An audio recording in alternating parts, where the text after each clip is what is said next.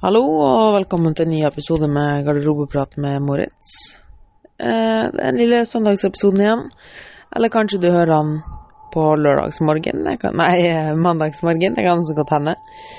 Um, I dag så tenkte jeg å snakke litt om Det har jo skjedd veldig mye i uken som har skjedd. Det er jo uke to nå.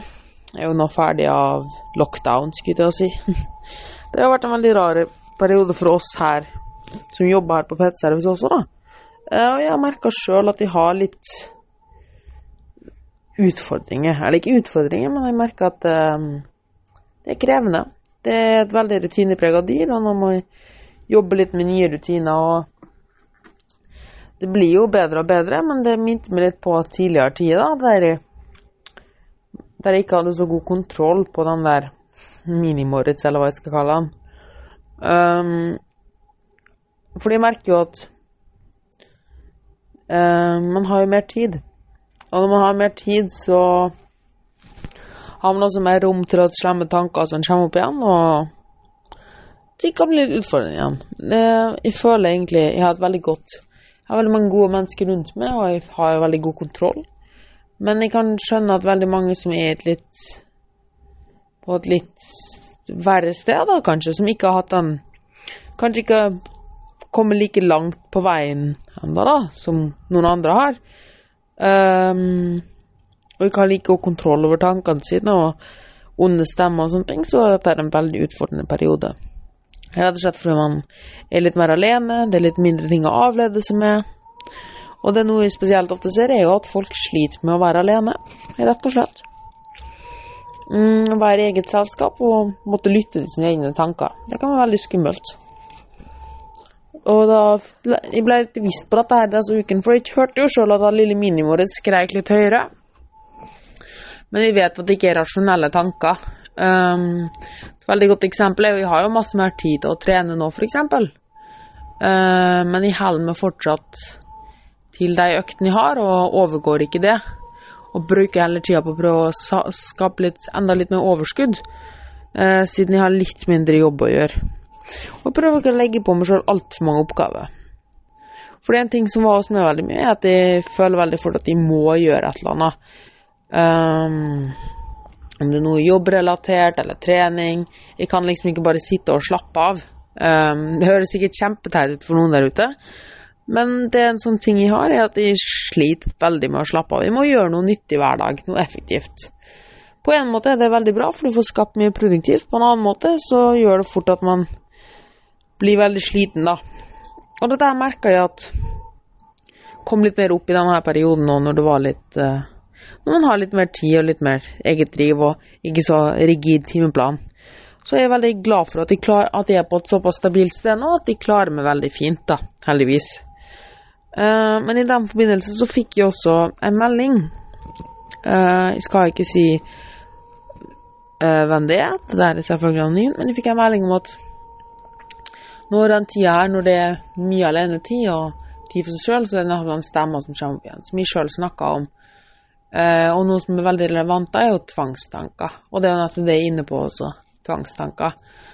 Eh, når jeg føler at jeg ikke får lov å slappe av og må gjøre sånn og sånn og sånn, så er det jo tvangstanker. Det er jo det det er.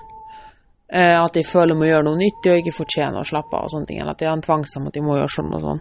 Og jeg har fortsatt tvangstanker, herregud! Men jeg tror Men jeg tror alle har til en viss grad tvangstanker. Det som skiller ut, det som skiller ut er at du klarer å faktisk reflektere over at det er en tvangstanke, at det er irrasjonelt. Og da fikk jeg da spørsmål om hva man kan gjøre med disse her tankene.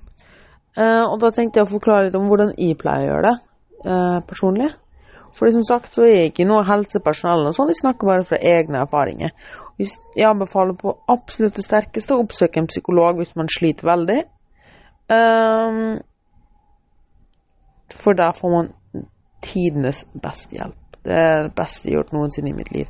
Jeg syns alle bør egentlig gå til en psykolog en gang i livet. Det er ikke farlig. Det er altfor høy terskel, dessverre. Men for å komme tilbake til det, da. Tvangstanker. Jeg har jo hatt, gjennom anoreksien min og seinere tid, så er jo det som har sittet igjen lengst, tvangstanker. Det er noe som går hånd i hånd, egentlig, at man må gjøre sånn og sånn og sånn. Uh, og ofte så føler jeg at det er en form for at man straffer seg sjøl. Um, I hvert fall på, hos meg. Uh, og det som er da før, så var hele dagen min full av tvangstanker. Det var egentlig en helt konkret timeplan. Jeg måtte gjøre sånn og sånn og sånn. og sånn. Så egentlig null liv. Jeg tvangstankene bestemte hele hverdagen min og alt jeg gjorde. Det var null trivsel. Alt skulle være basert på tvangstankene. Det der var jo veldig mye Det blir jo veldig mye å ta tak i på en gang. Hvis du skal fikse alle tingene på en gang, og man blir overvelda. Um, og det jeg merka da, at tvangstanker gir jo trygghet. Det er ekstremt deilig å få gjennomført en tvangstanke. Ta noe så banalt som det å bite negler. Det er jo ikke Det frister ekstremt, og det er ekstremt deilig når man har gjort det. Det er en dårlig følelse på en måte, men det veldig deilig, da. Um, så man vil jo på en måte ikke slutte med det. Det krever ganske mye for å slutte med en tvangstanke. Når man har veldig mange tvangstanker, veldig store tvangstanker, så er det veldig tungt å sette seg inn i alle, for det krever veldig mye viljestyrke, da. Så det jeg pleier å gjøre, er at jeg finner ut én tvangstanke. Um, så jeg merker at den her, den her må jeg forandre noe på nå, eller snart, fordi dette her er noe som faktisk ikke er bra for meg, for min kropp eller min helse. Og så Men så gjør jeg ikke noe mer først. Jeg reflekterer over dette her er en tvangstanke. Jeg aksepterer at det er en tvangstanke, at det ikke er en rasjonell handling, men at det er noe jeg bare har pålagt meg sjøl. Men jeg fortsetter å gjøre den. Og det er litt Det her the magic happens. Fordi mens jeg da gjør den tvangstanken, så tenker jeg samtidig at dette her er idiotisk å gjøre. Hvorfor gjør jeg dette her? For jeg reflekterte over at det er en tvangstanke. Um, og jeg reflekterte over at det er ikke noe bra, og det er egentlig helt meningsløst at jeg gjør det. Og da blir det veldig irriterende å gjøre den her etter hvert. Og den bitre ettersmaken blir mer og mer og mer og mer, mens jeg gjør tvangstanken fortsatt. Um, og så fortsetter jeg gjøre den, og blir egentlig nesten surere og surere mens jeg gjør den. Til det kommer et punkt der nå slutter jeg. Og så slutter jeg. Så det jeg egentlig har gjort, er at først så har jeg, aksept, jeg har funnet et problem. Jeg reflekterer, jeg aksepterer at jeg har et problem. Det gjør at jeg kan kontrollere problemet. Jeg ser hvor problemet er hen, og kan kontrollere det. Jeg kan observere det. Og når jeg har observert det lenge nok, og satt på det lenge nok, så kan du forandre det. Uh, have, own, yeah, jeg finner veldig fint unntak er own it, then you can control it, and then you can change it. Og nettopp sånn det er. Tvangstanken må rett, Du må først akseptere at det er en tvangstanke, og la tanken modne inni det. Kjenne på den dårlige følelsen. Det er dritt at du etterspør sjøl hvorfor du gjør det, men fortsett å gjøre det. Helt til du har kommet til det stedet at du er klar til å gi slipp. Og mens du gjør dette her, så er det viktig at du kun fokuserer på den ene tvangstanken. Ikke tenk på alt annet du gjør. For vi kan alle forandre kjempemange ting. Jeg har fortsatt kjempemange småting som vi kan forandre på. Jeg har f.eks. ekstremt eh, bit f.eks. huden på neglene mine. Det er en sånn tvangstanke som vi gjør. Men så lenge den ikke skader meg, så ser jeg ikke grunnen til å bruke energi på å fjerne den tvangstanken. Så man må alltid man må velge sin kamp og fokusere på den. Um, et veldig godt eksempel var Jeg vaska badet alltid før med klor. Uh, hver dag. Ja, jeg vasker badet hver dag med klor. Um, det var en tvangstanke. Det var helt irrasjonelt. Badet ble jo ikke noe bedre.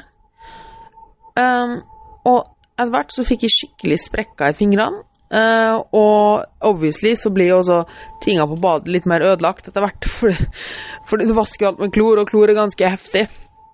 Så at her måtte jeg identifisere at det var et ganske stort problem. Jeg kunne ikke fortsette å vaske badet med klor hver dag, for det kom til å skade meg sjøl, og ikke minst badet. Og da valgte jeg denne tingen. Jeg ignorerte at jeg fortsatt trente to timer hver morgen cardio eller noe sånt. Det var noe, det var ikke det som var kampen. Og kampen skulle skje på badet, for det var det som var det som skadet meg aller mest. Så fortsatte jeg å vaske badet i to uker. Og jeg var så sur hver gang jeg gjorde det. Jeg hata meg sjøl hver gang jeg gjorde det. Og så slutta jeg. På én dag. Jeg var så lei. Og sånn tror jeg at det er en veldig fin måte å angripe tvangstanker på. For det hjelper veldig sjelden å bare steppe ned på tvangstanker, eller bare gjøre litt mindre og litt mindre og litt mindre. For det man gjør da, er at man fortsatt utfører handlinger, man gir etter for handlinger. Man har bare redusert det. Man teaser seg sjøl, på en måte. Det er litt det samme som å ta en halv rute sjokolade. Ingen spiser en halv rute sjokolade. Det er det samme som at det ikke hadde funka for meg å bare vaske toalettet og droppe dusjen. Når det først var i gang, så hadde jeg gitt etter for tvangstanken. Og det er jo litt det som kommer inn på den svart-hvitt-tenkinga igjen. Og den er dessverre der.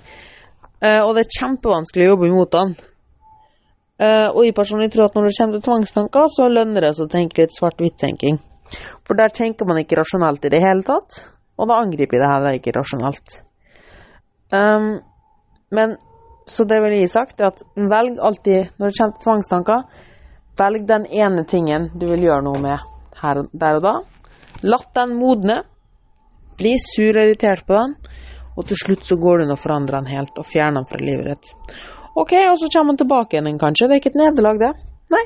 Du har lagd strategier på hvordan du skal fjerne tvangstanker, så da kan du gjøre det igjen når du er klar for det. Ikke tenk på hvordan ting har vært før. Og det er også veldig viktig når det kommer tvangstanker og sånne ting. Ja, at man ofte er livredd for forandringer. Man tror at alt kommer til å forandre seg når man fjerner en tvangstanke. Men realiteten er at ingenting forandrer seg. Nesten ingenting. I verste fall så får du det litt bedre med deg sjøl. For du har slutta med en ting du hater, hater, å gjøre, egentlig. Um, så det er sagt om tvangstanker. Det gjelder å la den modne, akseptere at den er der.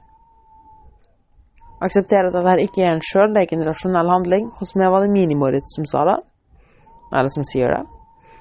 Og så kan vi gå inn og forandre på det. Og ikke tenk at du må forandre alt på en gang, det blir veldig overveldende. Ta én og en tvangstanke om gangen. Det er mitt beste tips til tvangstanker. Uh, når det kommer til svart-hvitt-tenking, så ser jeg veldig mange der ute nå som ja, egentlig nesten lar seg gå litt. De er nesten bare hjemme og gjør ikke en dritt. Og der tenker jeg litt sånn Hvor er drivet ditt? Spark det litt bak. Altså, herregud. Det Å gjøre litt er så mye bedre enn å gjøre ingenting. Og jeg vet det høres så klisjémessig ut, men sånn er det faktisk. Um, beste jeg kan gjøre hvis du syns det er tungt å gjøre ting og få ting gjort, er å gjøre én ting hver dag som du syns er skikkelig ork skikkelig ork. Det blir jo litt motsatt av tvangstanker, da. så jeg har kanskje litt for mange av dem. Men jeg gjør det at jeg har, hver dag så har jeg én ting som jeg syns er skikkelig ork. Men i hvert fall gjør én ting. Grunnen til at jeg gjør dette, er at jeg klarer å Én, du får god samvittighet, og det skal du ikke skimse bort. Du føler at du har gjort noe produktivt den dagen, som igjen gjør at du sover bedre og kan restituere bedre og slappe av bedre. Husk, kroppen ser ting i kontrast, så hvis du har gjort en jobb, så er det mye lettere å slappe av kontra det hvis du skal slappe av hele dagen. Da blir ikke avslappinga like deilig. Og nummer to du lærer deg at du må stille krav til deg sjøl. Du må faktisk stille krav til deg sjøl. Og det kommer akkurat inn på tvangstankene også. Du kan ikke forvente at noen skal komme og si til deg at du skal slutte, eller at du skal gjøre noe. Du må faktisk gå inn, kjenne på kroppen din, kjenne hva du trenger for kroppen din, hva den trenger, hvorfor du trenger det. Identifisere problemet og gå inn og jobbe med det. Kommer at, det kommer aldri til å skje at noen kommer til å si til deg at uh, 'nå gjør sånn og sånn'. Det skjer ikke, du går ikke på skolen lenger. Ok, Greit at du har en jobb der noen sier det til deg, men med mindre du har et eget driv om å gjøre noe, så vil det aldri komme noe sted, dessverre. Det verste jeg vet, er folk som sier ja, men det kommer til å ordne seg. Nei, det kommer ikke til å ordne seg av et eller annet magisk vis. Det er faktisk du sjøl som må gi det et spark bak og gjøre noe med situasjonen. Samme folk som sier du har så flaks at du er der og der og der. Du har så flaks at du har gjort sånn og sånn. Nei, det er ikke flaks. Hvis du vinner Lotto, så er det flaks. Men til og med der ligger det arbeid bak. Tror du ikke at den vedkommende har kjøpt lottobilletter nesten hver uke i et år? Det vet du ingenting om. Tror du ikke at den vedkommende har hatt en drithard jobb med å få inn penger for å kjøpe lottobilletten? Det vet du ingenting om. Så til og med i Lotto så ligger det som regel en jobb bak. Det er ikke bare flaks. Du, det jeg pleier å si, at du, du, la, du, legger, du legger til rette for at flaksen kan komme med godt arbeid. Uh, det ble litt sånn rambling nå, men det jeg egentlig ville si, er bare at gi det et spark bak sjøl. altfor mange mennesker klarer faktisk ikke å være med seg sjøl. De må ha folk som sier til dem hva de skal gjøre, hvis ikke så bare råtner de. Og det er fordi de ikke har et eget driv og ikke tør å sette seg inn i sine egne tanker. Så ting kommer ikke til å ordne seg, med mindre du går inn for at de skal ordne seg. Og det gjelder uansett om det er tvangstanker, svart-hvitt-tenking.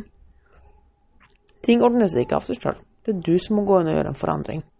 Og selvfølgelig kan man få hjelp utenfra, men til syvende og sist så ligger jobben på dine skuldre.